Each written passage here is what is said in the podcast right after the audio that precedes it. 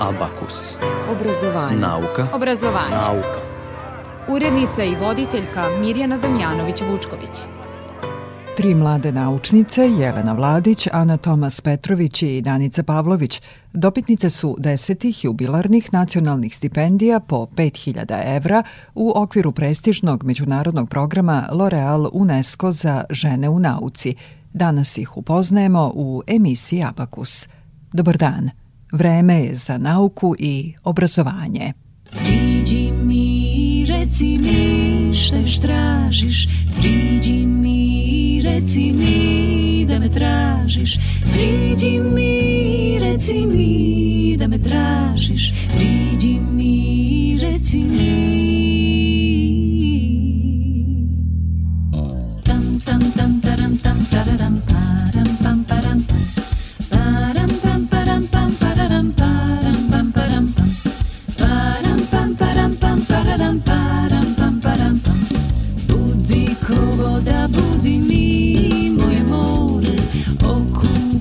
sa srca mi skini bore Priđi mi, reci mi da me tražiš Priđi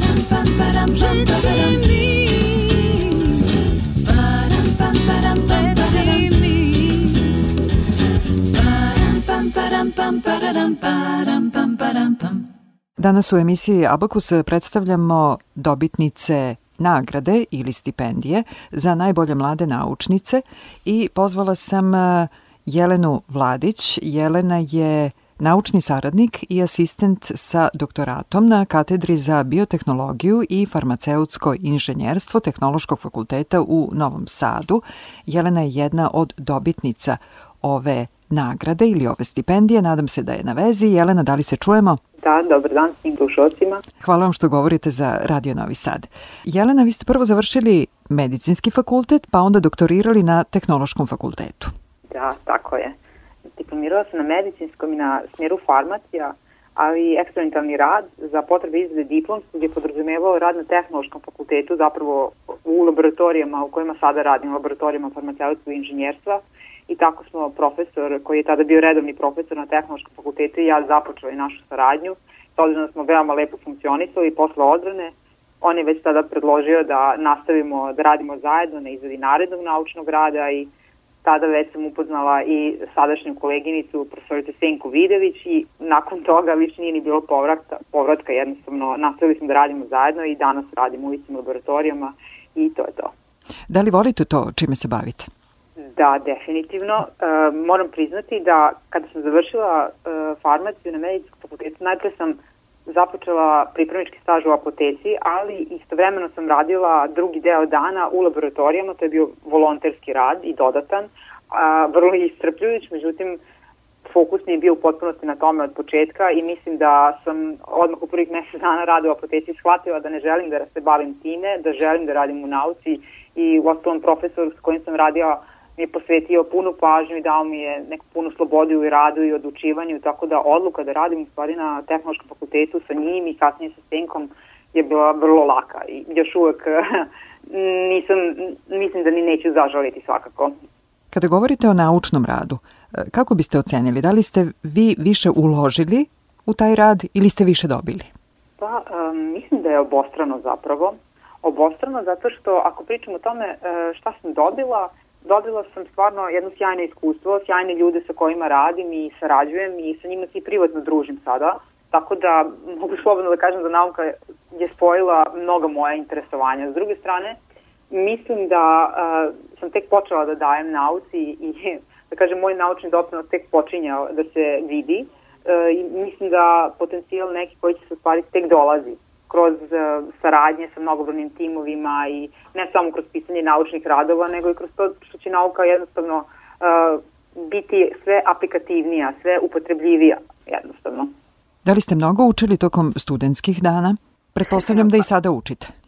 Da, konstantno, to je jedan kontinuiran proces, tako da uh, trudim se da iskoračim iz svojih sobstvenih istraživanja konstantno, baš tako što sarađujem sa nekim drugim timovima koji rade u oblastima koje nisu meni srodne i onda tu morate da budete uh, apsolutni početnik.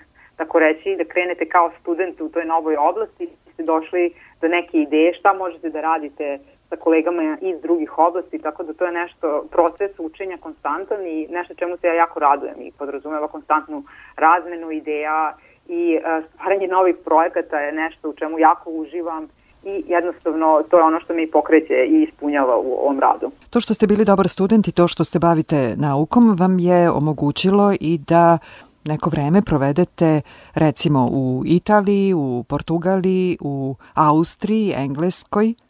Koliko je to važno i za vaš profesionalni rad? E, mislim da se mene tiče e, jako mi je oblikovalo e, kompletan naučni rad i e, dosta mi je doprinalo i u dobijanju između ostalog i ovog priznanja. Jer jednostavno to su naučne istraživanja koja sam sprovodila u inostranstvu, baš kao što sam malo pre pomenula, sa nekim međunarodnim timovima iz drugih nesrodnih ili manje srodnih oblasti i jednostavno to je ono što me i obogatilo. Naučiti da radite u timovima gde su apsolutno različiti e, naučnici sa različitim naučnim pozadinama i sa različitim obrazovanjem i mislim da je to u stvari ključ, e, da kažem, mogu slovno kažem, mogu uspeha trenutnog. Da li ste za ta istraživanja i ta putovanja dobili stipendije?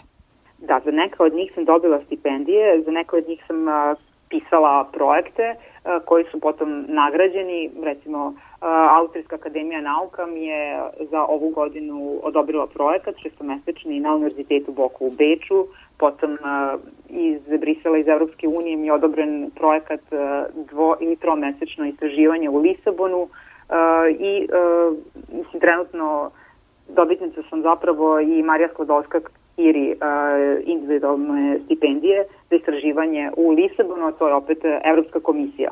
Tako da veći, veći deo je pisanje projekata i odobravanje od e, inostranih fondacija. I ova nagrada, odnosno stipendija koju ste sada dobili, 5000 evra, namenjena je daljoj realizaciji naučnih istraživanja. Kako ćete to iskoristiti? Pa, u okviru rada za koji sam nagrađena, biće ispitna mogućnost e, pulmonarne primene proizvoda na bazi lekovitog bilja. E, konkretnije, imali smo u vidu aktualno ovu globalnu situaciju sa porastom zagađenja vazduha, s druge strane i povećanom incidentom plućnih bolesti i naklonjenošću pacijenata prema prirodnim proizvodima, pa smo se odlučili da se odlučila da napišem taj projekat, jer jednostavno lekovito bilje je veoma aktualno i e, prvi tehnološki aspekt kod ovog projekta podrazumeva primenu zelenih savremenih tehnologija koje će prevesti to lekovito bilje u neki farmaceutski finalni proizvod. S druge strane, drugi aspekt istraživanja odnosi se na efikasno ispoljavanje delovanja tih proizvoda u organizmu. Naime, kod e, primene tih biljnih proizvoda najveći problem je njihov brz metabolizam i razgradnja u organizmu. I onda je njihova bioraspoloživost u organizmu veoma mala kada su uneti klasičnim putem. Stoga smo se mi odlučili e, za cilj ovog projekta da imamo razvoj postupaka dobijanja praha odnosno formulaciji na bazi lekovitog bilja, ali za inhalacijonu primenu. Jer kada se primeni inhalaciju na taj način, bila bi omogućena efikasnija dostava ćelijama pluća uz izbjegavanje razgradnje i jednostavno efektivnije ispoljavanje farmakološkog delovanja. I naravno, e, krajnji cilj je da obezbedimo neku bezbednu alternativu i u lečenju i preventivi ili da se možda samostalnom upotrebom tih prirodnih komponenti iz lekovitog bilja ili kombinovanom upotrebom prirodnih i standardnih lekova minimalizuju neželjena delovanja tih lekova. Radite u timu. Da li bi moglo uopšte drugačije? Da li može bez tima? Teško. Teško i mislim da imati dobre ljude oko sebe, to je u stvari nešto što je glavna stvar i glavni pokretač. Ja sad ne znam da li to u redu, ali htela bih stvarno da istaknem da profesorica Senka Vidović, profesorica sa Tehnološkog fakulteta u Novom Sadu, je zapravo a, moj profesionalni oslonac od početka i ona je osoba koja meni pruža podršku od početka i od početka radim sa njom i jednostavno to je jedna produktivna a, saradnja gde nas dve sada smo već i prijatelji, ali uh, radimo zajedno toliki niz godina i jednostavno nadopunjujemo se. I uh, konstantna podrška obostrana je nešto što je stvarno neophodno za svakog od nas, čini mi se, da bi postigao neki uspeh i da bi radio jako dobro. Vi radite i na popularizaciji nauke. Mislim da je promocija nauke i tih pozitivnih vrednosti jako bitna i značajna i za mlađe generacije i da shvate da nauka nije bauk i da shvate da to nije teško ukoliko to volite. Tako da pokušavamo da organizujemo naučne radionice, učestvujemo na sajmovima, na festivalima, na otvorenim vratima fakulteta, tako da na taj način e, čini mi se da dopiremo do mlađih generacija i nadam se da 1% e, te dece, ukoliko se bude zainteresovalo za nauku, mi smo presrećni. Šta biste vi onda njima rekli? Da li se vama isplatilo to što se bavite naukom i to što ste bili dobar student? Da li vam se učenje isplatilo? Jeste, apsolutno. Tako da, što se mene tiče, moja poruka mladim generacijama je da vredno uče i da vredno rade i da je to osnova svega, da to definitivno ne može niko da im oduzme, da mogu samo kasnije to da iskoriste i da se što više trude da e, stiču iskustva nova i da se ne plaše da iskorače iz, ok, kada se već, kada se već odluče za neku naučnu oblast, da se ne, ne plaše da se iskorače iz te naučne oblasti, jer jednostavno to ne treba i nije nikakav osjećaj nesigurnosti. To je samo spremno za nova znanja i za nove ideje.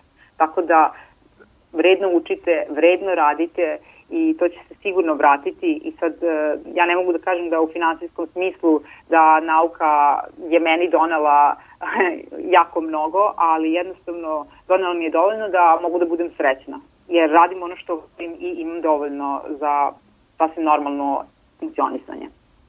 Tako da što se mene tiče, e, opet bih izabrala ovaj put i zaista mi se isplatilo. Jelena, bilo je veliko zadovoljstvo razgovarati sa vama. Hvala vam puno. Hvala vama. Dr. Jelena Vladić, naučna saradnica i asistentkinja sa doktoratom na katedri za biotehnologiju i farmaceutsko inženjerstvo Tehnološkog fakulteta u Novom Sadu, dobitnica stipendije za najbolje mlade naučnice. Uvijek sam smišljala što ću ti reći kad te vidim po prvi put Ali sad znam osjećam da poznajem te od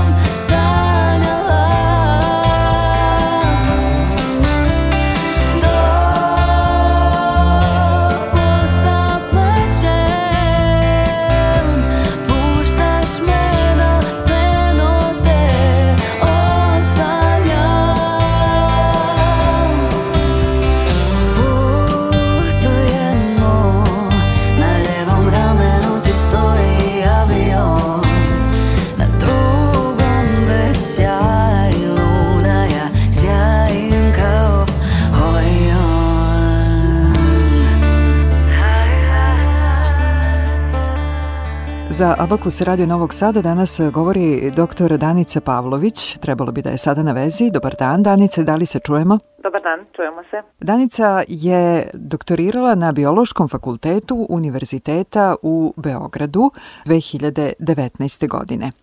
Danice, vi ste po zvanju Tako je, da, ja sam po zvanju doktor bioloških nauka i naučni saradnik laboratorije za biofotoniku Instituta za fiziku u Beogradu. Kako ste otkrili da, da je to nešto čime želite da se bavite? Slučajno.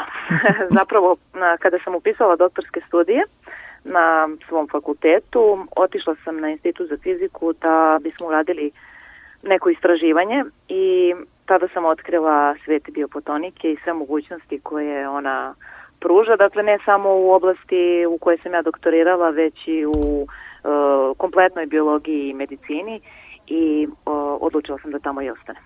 Šta je biofotonika?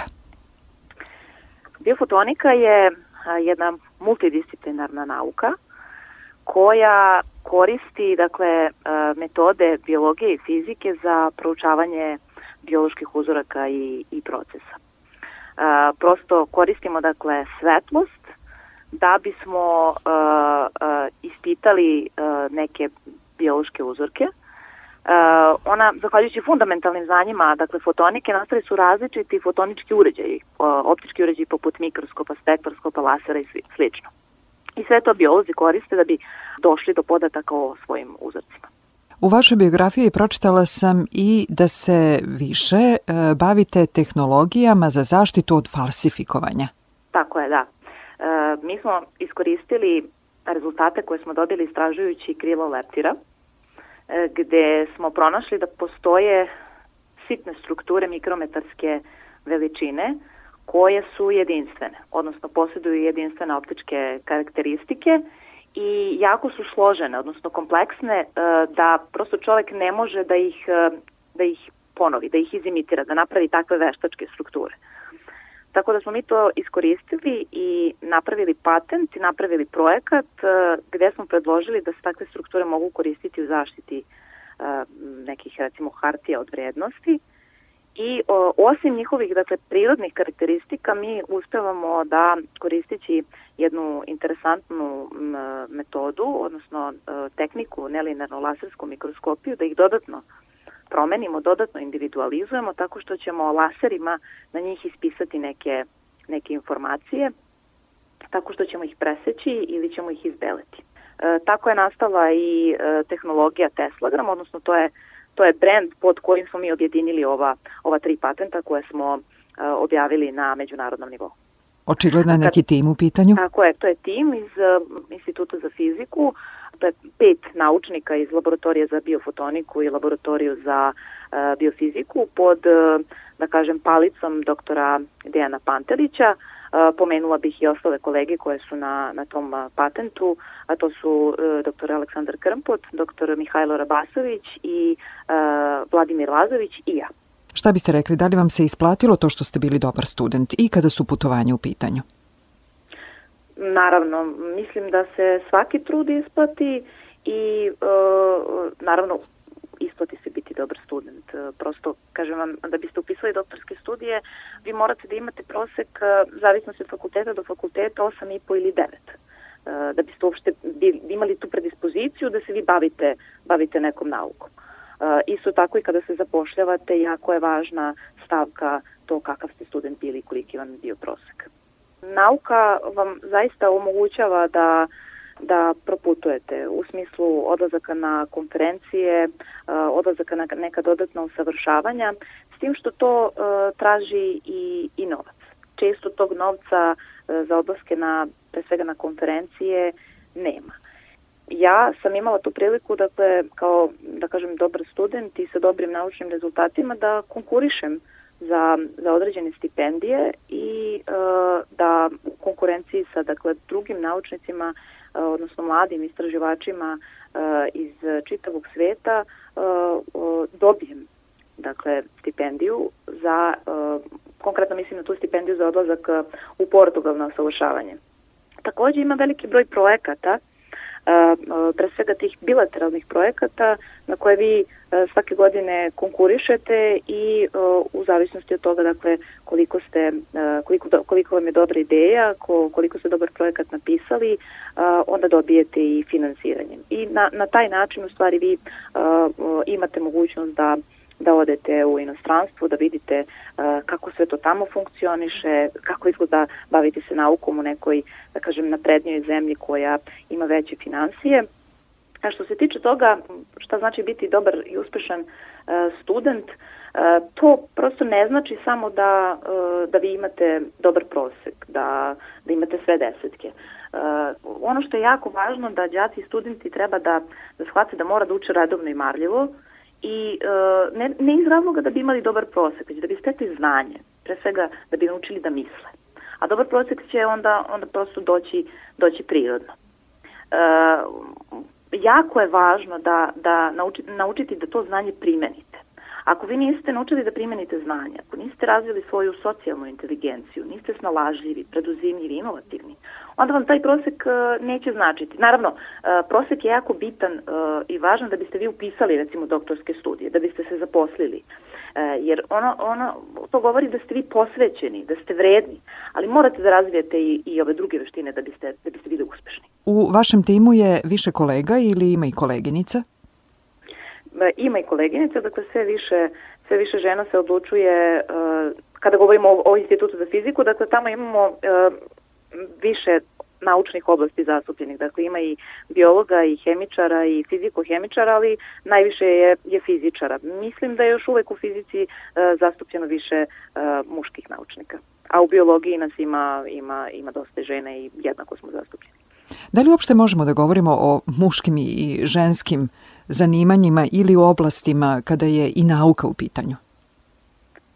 Pa nažalost da. E, još uvek se smatra da su neke oblasti više muške, da su možda neke, neke oblasti teže za žene i devojčicama se prosto savetuje da možda upisuju neke lakše fakultete, što je, što je pogrešno. Um, ali konkretno u nauci mislim da su da smo napredovali u tom smislu da se ženama pruža jednaka mogućnost prosto i da upišu doktorske studije i da se zaposle u nauci i da uh, konkurišu za, za projekte jednako kao i, i, i muške kolege.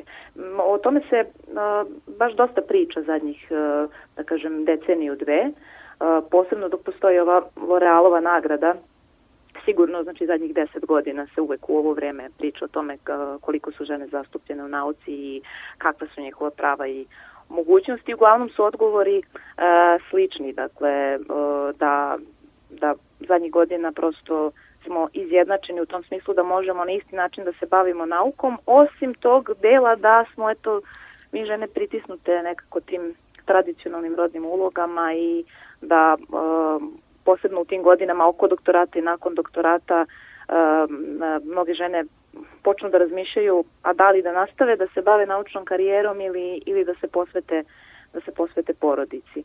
Uh, u tom smislu je malo teže zato što žene odlaze recimo na, na tu pauzu od, od godinu dana, nekad, nekad i više, prosto odsustvuju iz laboratorija i e, treba im podrška da, da prosto shvate da, da ne moraju da ne moraju da o, biraju između porodice i, i između karijere zato što evo baš ova godina je svedok o, da s obzirom da je bila korona da smo svi nekako o, radili više od kuće nego što smo bili u laboratorijama i e, pokazalo nam je da mnoge stvari mogu da se da se odrade od kuće. Da žene e, kada odu na to trudničko bolovanje mogu da rade neke administrativne poslove pošto ni, ni, ni od toga nismo oslobođeni, mogu da pišu projekte, mogu da sumiraju svoje laboratorijske rezultate od prethodnih e, godina, da da pišu radove. Tako da uh, u nauci sve ide nekako timski, sve ne, gotovo da ne postoji oblast gde je neko sam sve odradi od početka do kraja. I onda kad imate podršku tima, sve je mnogo lakše. I, i treba uh, uh, apelovati da žene u tom trenutku počinju da razmišljaju e sad kako ću ja da odem na trudničko bolovanje, sad sam dobila neko, neko određeno finansiranje, neki projekat, ja sad ne mogu, ajde da, hajde da pomerim to, ostaću u drugom stanju za, za godinu, dve. E, prosto da se, da se žene ne isključuju iz nekih projekata, iz, iz istraživanja zato što e, treba da se, da se ostvare kao majke, E, nego da, e, znači da, da ne kažemo, e sad nećemo staviti ženu na neki projekat zato što ona će možda u nekom trenutku da ostane u drugom stanju, bolje da stavi muškarca. Nema potrebe za tim jer uh, uh, jednako može da doprinese, da kažem, i od kuće, radeći te neke uh, stvari, a, ne, a da ne mora da bude u laboratoriji. Za kraj možda poruka studentkinjama koje nas sada slušaju? Poruka je da da ne odustaju od, e, od svojih ideja, od svojih želja, da budu ambiciozne, da uh, svaki trud, posvećenost i, i usavršavanje i učenje će doneti dobre rezultate i ono što je važno da, da ne razmišljaju da odustaju od svojih uh, naučnih karijera zato što mora da izaberu između toga ili nečeg drugog, pre svega mislim na, na, na porodicu, na osnivanje porodice, da kad se čovek lepo organizuje, kada, kada ima dobar tim, kada ima podršku svog tima, onda sve može da, da postigne. Danice, bilo je veliko zadovoljstvo razgovarati sa vama. Hvala vam. Hvala vama puno. Za Radio Novi Sad je govorila dr. Danica Pavlović, naučni saradnik Laboratorije za biofotoniku Instituta za fiziku Beograd, doktorirala je na Biološkom fakultetu Univerziteta u Beogradu 2019. godine. Svijet je prekrio snijeg Danas je praznik, tin je ostao sam Jutro se predao grad Mi smo mrlje u bijegu Na bijelome stijegu. Dobar razlog se smije Bez previše boja. Kad pobjegnu misli spasiti svijet. Nemam ideju i sve je na kraju. Prekrio snijeg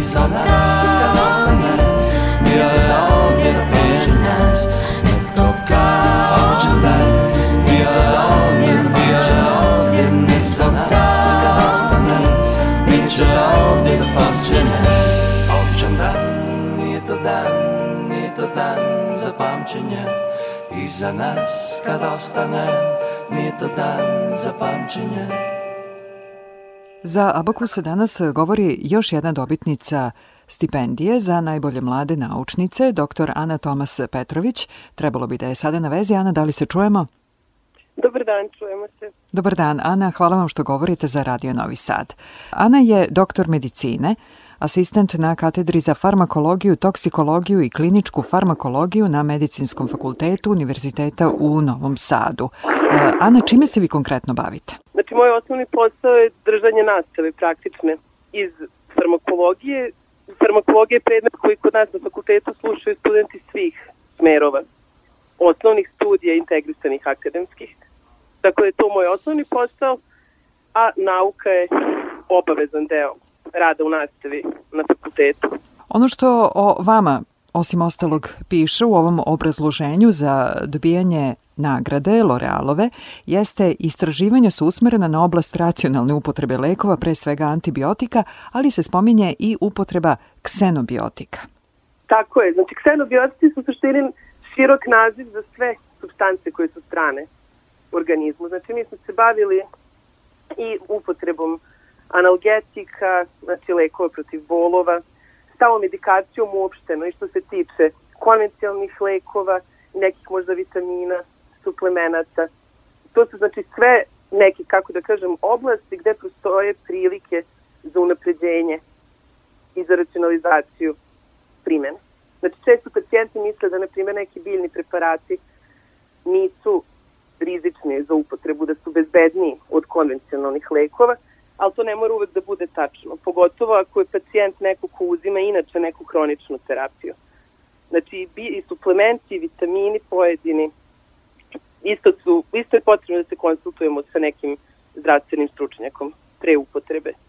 Da li vam se isplatilo to što ste bili dobar student? Tu sada mislim i na e, stipendije koje ste dobijali i na e, odlaske na usavršavanja u, recimo, Australiju. Pa jeste, ja moram da kažem da ja jesam bila dobar student, ali bilo je kolega moji koji su imali mnogo veće proseke. Tako to da sada kad kažete mnogo veće proseke, vaš prosek je morao da bude... Preko devet, naravno, da, da, da. Ali kažem, to znači nije bilo presudno zato što uh, jesam bila dobar student, ali ono što ja mislim da je na mene jako pozitivno uticalo je kada sam počela da radim na katedri, cela naša katedra je jako posvećena naučno-istraživačkom radu. I mi tamo smo zaista dobili velike prilike za usavršavanje. Samo je od nas zavisilo u kojoj meri ćemo mi to iskoristiti. Takođe, e, ništa se neće desiti samo od sebe. Ja sam konstantno tražila gledala da li postoje neke stipendije za odlaske na kongrese, da li postoje stipendije za učešće na nekim letnim školama, usavršavanjima. Znači, mora čovek ovaj, sam da se založi, da pronađe koje mu prilike sve mogu biti otvorene. To je sada zaista lako. S obzirom da govorimo o nagradi, stipendiji za žene u nauci.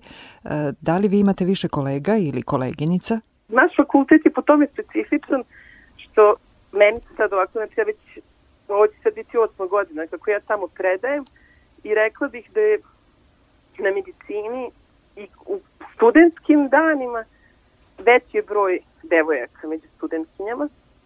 Kod nas se ta neka razlika da postoji neki negativan pristup ženama, ja ne mogu da kažem da sam to osetila, naš fakultet ima ženu i za dekana, tako da to nije neka profesija gde smo mi u manjini. Mislim da je to izraženije kod ovaj, sad ne mogu da govorim iz ličnog iskustva, ali možda u nekim drugim granama, tehničkim ili kod nas zaista zastupljene smo.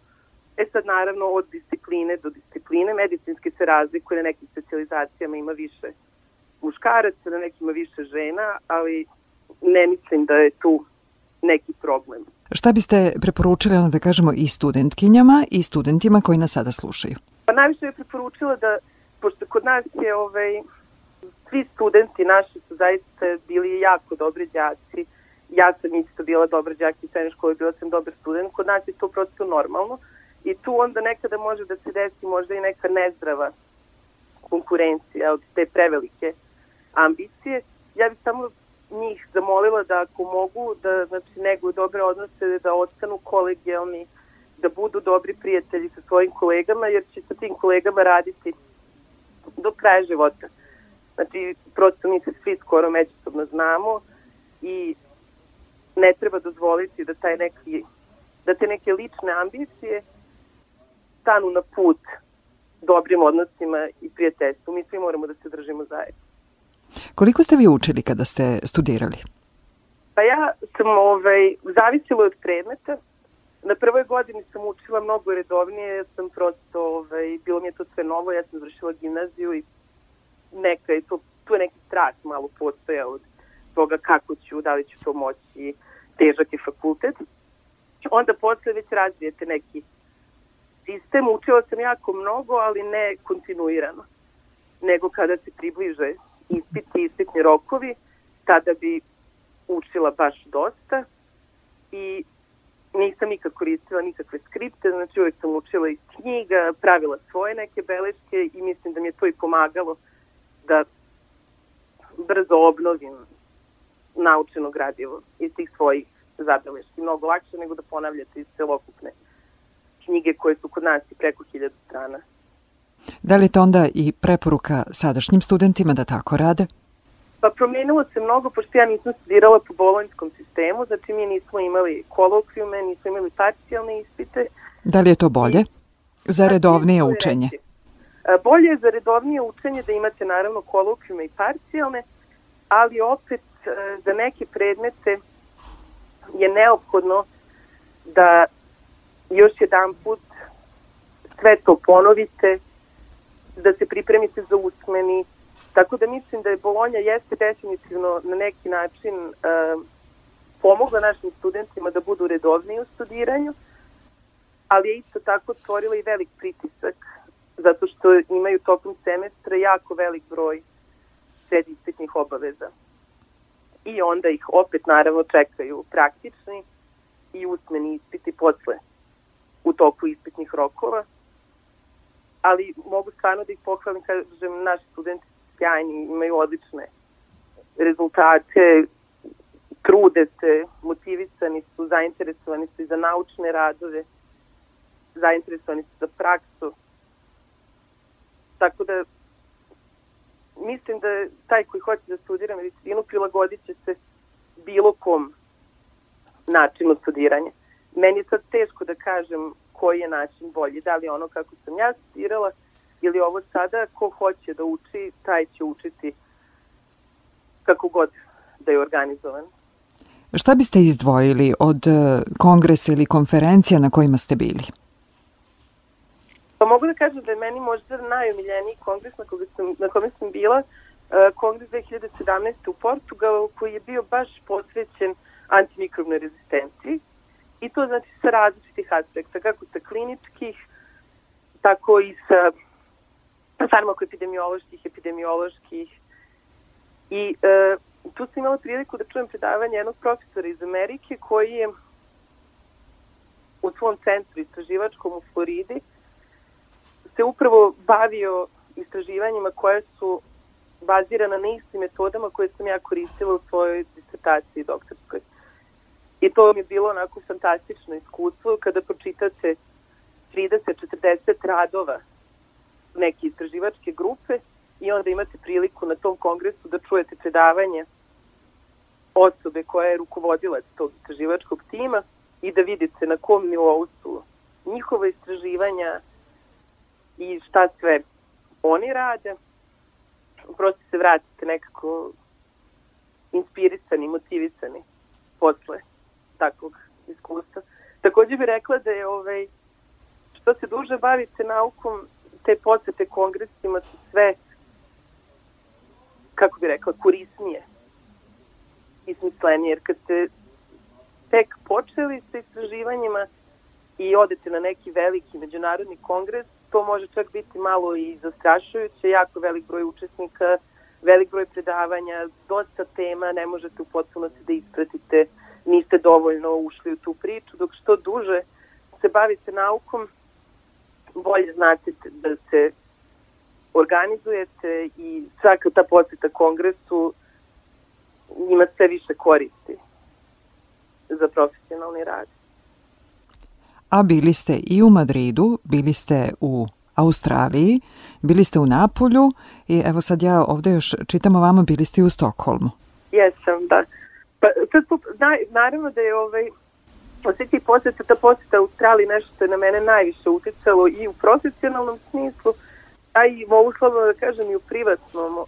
Znači, mi smo dobili priliku da odemo u Australiju preko projekta jednog koji se realizova na našoj katedri, projekta finansiranog od stran, po pozivu Horizon 2020 i sad ja sam bila u Australiji dva puta i uh, prvi put sam tamo otišla sama jer prosto nismo mogli drugačije da se organizujemo i nije bilo, mogu da kažem, svejedno, otići na tako duže neki period, dva meseca, u zemlju ove, gde nikada niste bili, gde ne poznajete nikoga osim tih, osim supervizora mog ko, sa univerziteta. Međutim, uh, to je zaista imalo pozitivan utjecaj na mene. Pored ovaj, tih prilika za usavršavanje, znači tamo su mi, pored rada na projektu, imali i treninge i za laboratorijske metode i za statističku analizu, ali prosto vidite da um, nije tako strašno ni negde sam otputovati ako je to nešto što može pozitivno da utiče na vašu karijeru. E, šta vam znači ova nagrada koju ste sada dobili? Nagrada, odnosno stipendija? Pa, e, ja sam još razmišljala o tome dok sam znači, pisala tu prijavu za taj konkurs i um, sad naravno da je tu jako lep osjećaj kada dobijete neko priznanje, pogotovo u ovakvoj situaciji gde je to nagrada koja je znači, inostrano internacionalno prepoznata, postoji u velikom broju zemalja i budete ponosni, sretni prosto da je neko smatrao da ste vi dovoljno dobri da ponesete veliku odgovornost koju nosi dodeljivanje ovakve jedne stipendije. A pored toga, ovo će ipak biti prva prilika za mene da samostalno u potpunosti mogu da osmislim i sprovedem neko istraživanje.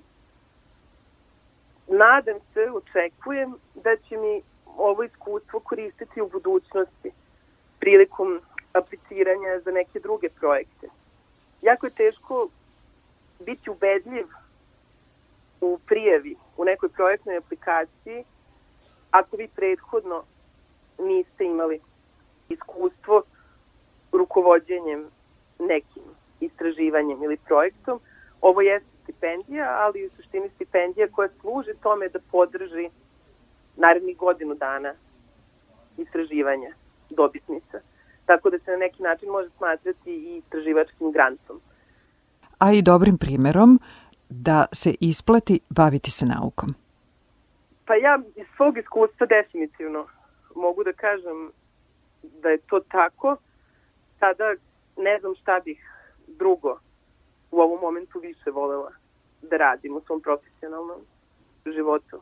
Ana, hvala vam što ste govorili za Radio Novi Sad. Zaista bilo uživanje razgovarati sa vama i nadam se da će veliki broj studentkinja i studenta iz svega ovoga što ste vi ispričali izvući neku pouku i ugledati se na vas.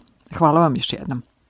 Hvala vama mnogo na prilici da govorim za vašu emisiju. Hvala vam puno na pozivu i meni je bilo zadovoljstvo.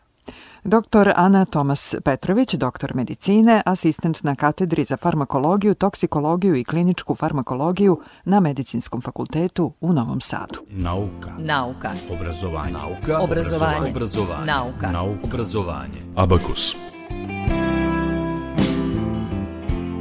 I bilo bi to sve u današnjem Abakusu. Ton majstor Violeta Marković, muzički urednik Nikola Glavinić. Ja sam Mirjana Damjanović-Vučković. Gde su oni dobri, anđeli čuvari, što dolaze tiho, da poprave stvari. Ne vidim u mraku, leptire i svice, da ti sklone kosu i osvetle lice. Ne vidim u mraku prst pred nosom Jutro stiže umiveno rosom Ne čuje se čak ni lepet krila Gluvi je sad. Ako treba da je kraj Neka se odmah desi. Ako treba da je Skupi ga i podnesi. Ako treba da je život Samo duboka tuga. Ako ovo bude kraj Znaću da nije ljubav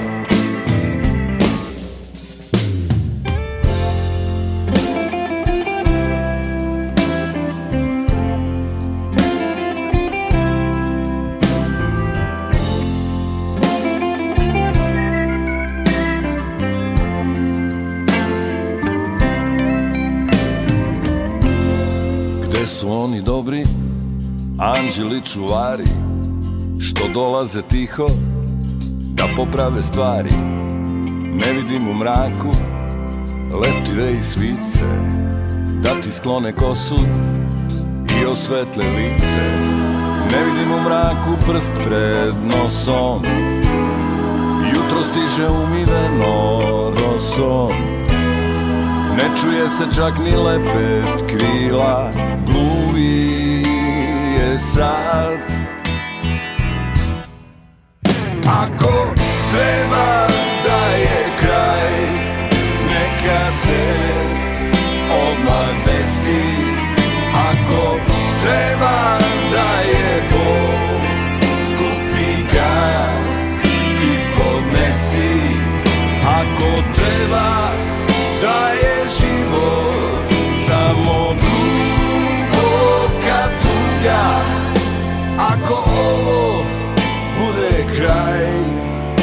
Znaću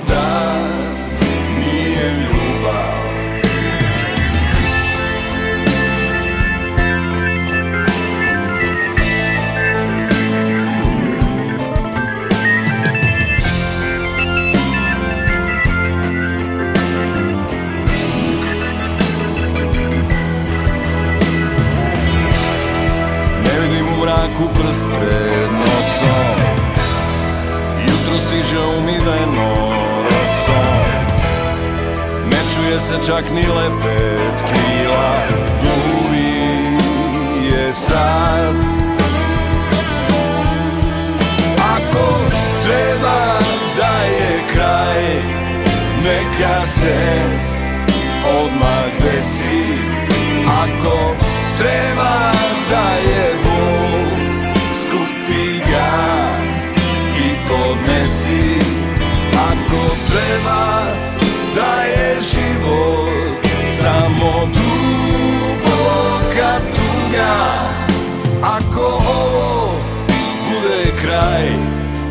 Znaću da nije ljubav